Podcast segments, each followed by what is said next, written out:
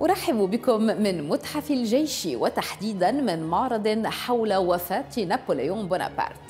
فهذه السنة تصادف ذكرى مرور قرنين على وفاته. في هذه الحلقة استعيد معنا بعض أفضل التقارير التي أعددناها عنه. واكتشفوا في مقابلة جديدة أسرارا جمعت نابليون بمصر والعرب. لحظات ويرفع الستار. أهلا بكم في أسرار باريس.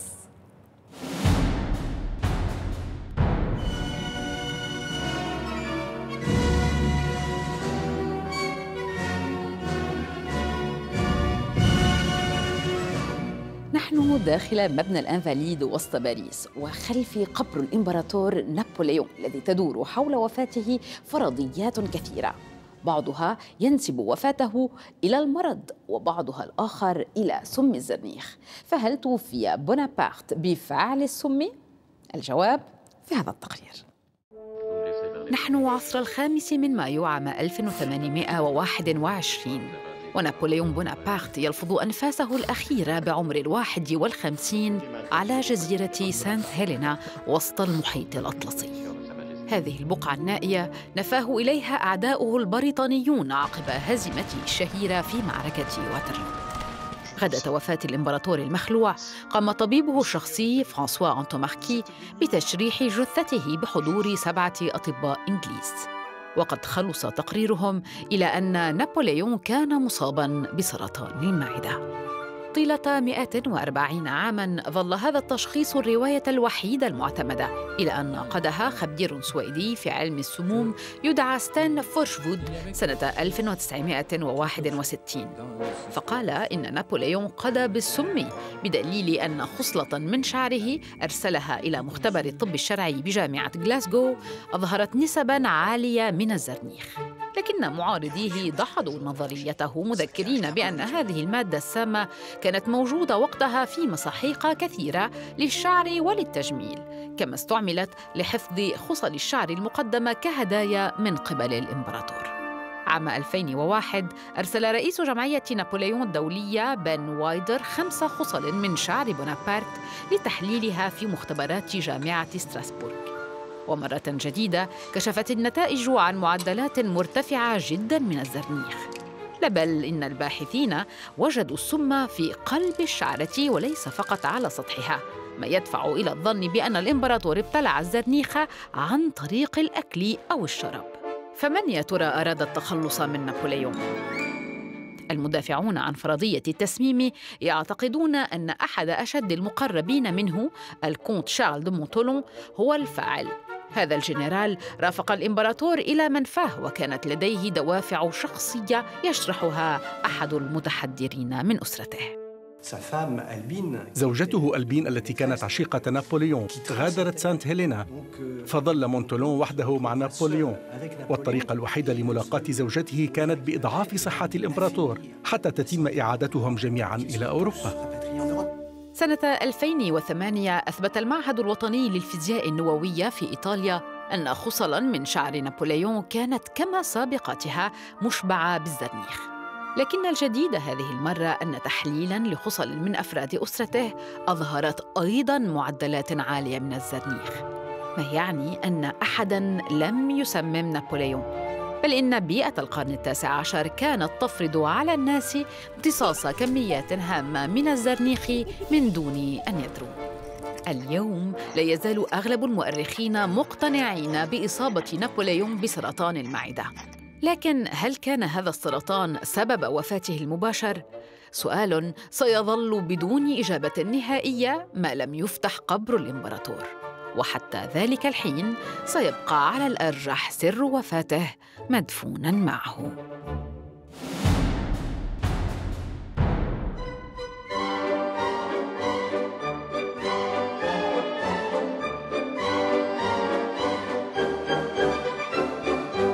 كان الإمبراطور نابليون بونابرت أغنى حكام الأرض وكان يحمل جزءاً من ثروته في مواكبه الرسمية والحربية. هذه العربة كانت عربة نابليون شخصية وقد رافقته في معركته الأخيرة معركة الهزيمة في واترلو. لكنها كانت تحوي أيضا كنزا ضخما استولى عليه أعداء نابليون خلال المعركة. فما كان هذا الكنز وما بات مصيره بعد الهزيمة. قصة نرويها لكم في هذا التقرير. نحن عصر الثامن عشر من يونيو عام 1815 وجيش الإمبراطور نابليون يندحر أمام تحالف إنجليزي هولندي بروسي في بلدة واترلو جنوب العاصمة البلجيكية. عند العشية يدرك بونابرت أنه خسر المعركة فيغادر الميدان على صهوة جواده تاركا خلفه من بقي من جنوده وعربتين يستخدمهما في تنقلاته. داخل هاتين العربتين كنز يخطف الأنفاس. فإلى جانب معطف نابليون وقبعته الشهيرة وسيفه الذي حسم به معركة أوسترليتس وجد الجنود البروسيون عقدا من الألماس أهدته لنابليون شقيقته ومجوهرات ثمينة ومئات القطع النقدية الذهبية وأواني فضية إضافة إلى عشرات من أرفع الأوسمة والنياشين التي تقلد بها الإمبراطور على مر السنين. غنيمة الحرب هذه دغدغت كبرياء المنتصرين فاستحوذ على أغراض نابليون الشخصية ضباط بروسيون وتبعثرت مقتنياته في مجموعات خاصة ولاحقا في متاحف ألمانية. أما النياشين والأوسمة فعرضت في متاحف برلين إلى أن اختفت فجأة عقب الحرب العالمية الأولى. وعام 1933 ظهرت مجددا وسلمت في ظروف غامضة إلى القائد العام لسلاح الطيران النازي هيرمان جورينغ ومع سقوط الريخ الثالث وجد السوفيات هذه الأوسمة في ملجأ مضاد للطيران تحت حديقة الحيوانات في برلين. فتم نقلها إلى موسكو حيث قبعت لسنوات طويلة في أقبية أحد المتاحف. ولم تعرض على العامة إلا بعد انقضاء عقد كامل على سقوط النظام الشيوعي. أما ماذا حل ببقية كنز نابليون من مجوهرات وفضيات وعمولات ذهبية؟ فسر ضاع على الأرجح في متاهات التاريخ.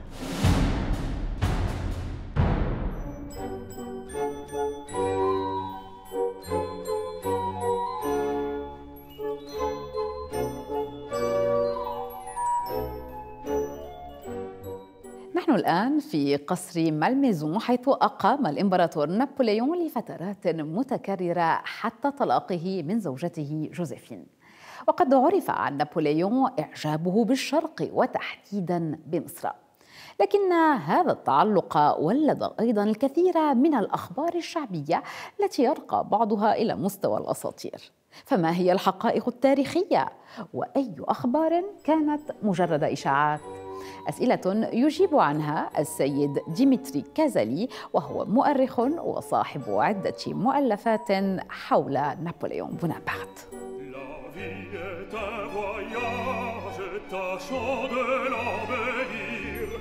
Jetant sur ce passage les roses du plaisir, les roses du plaisir. Quand Napoléon débarque en Égypte le 1er juillet 1798. Trois semaines après, il écrase les Mamelouks à la bataille des pyramides. Donc il est vainqueur, il contrôle tout le delta du Nil. Il a réussi son coup, il a bloqué la route des Indes pour empêcher les Britanniques de commercer. Les Anglais qui possèdent justement les Indes et l'Égypte est un carrefour stratégique entre l'Europe et l'Inde.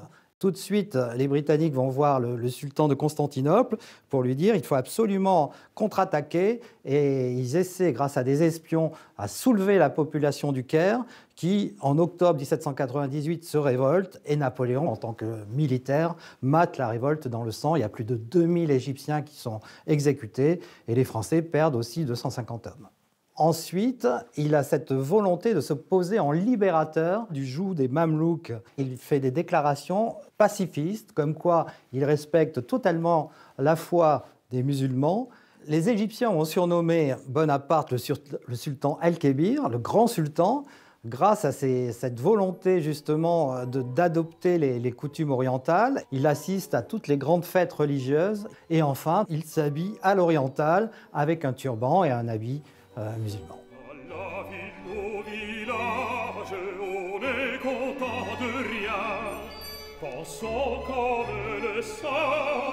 Qui dit que tout est bien.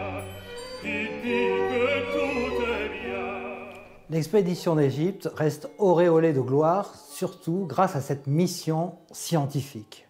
Tous les grands spécialistes vont fouiller répertorier, étudier chaque coin d'Égypte pendant ces deux ans et accomplir un travail extraordinaire. D'ailleurs, on va même fonder l'Institut d'Égypte à cette occasion, et ce qui va donner naissance à l'égyptologie. Il y a plein d'anecdotes qui, circulent, de fausses anecdotes sur les pillages français en Égypte comme par exemple euh, le fait que l'obélisque de la place de la Concorde aurait été volé par Bonaparte, ce qui est complètement faux bien sûr. C'est en 1836 que le vice-roi d'Égypte, Mehemet Ali, a cette idée pour remercier la France, pour remercier la France de cette bonne entente diplomatique qui existe entre les deux pays, d'offrir les deux obélisques à l'origine à Louis-Philippe, roi des Français. Voilà, donc c'est une fausse, euh, une fausse anecdote qui circule encore sur Napoléon.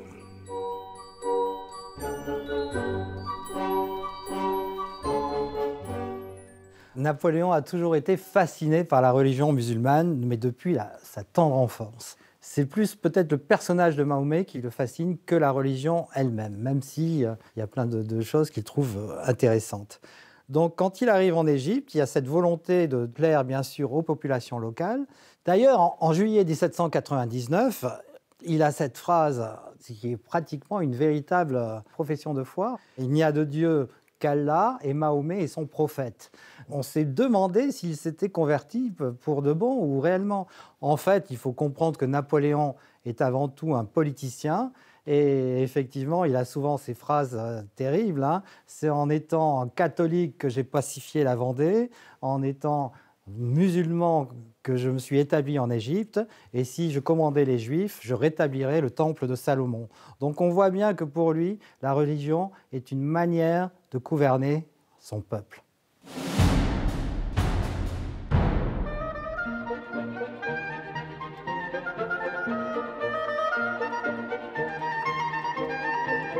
بهذا نأتي لختام هذه الحلقة الخاصة بالإمبراطور نابليون من قصر مالميزون أودعكم وأضرب لكم موعدا في حلقة جديدة من أسرار باريس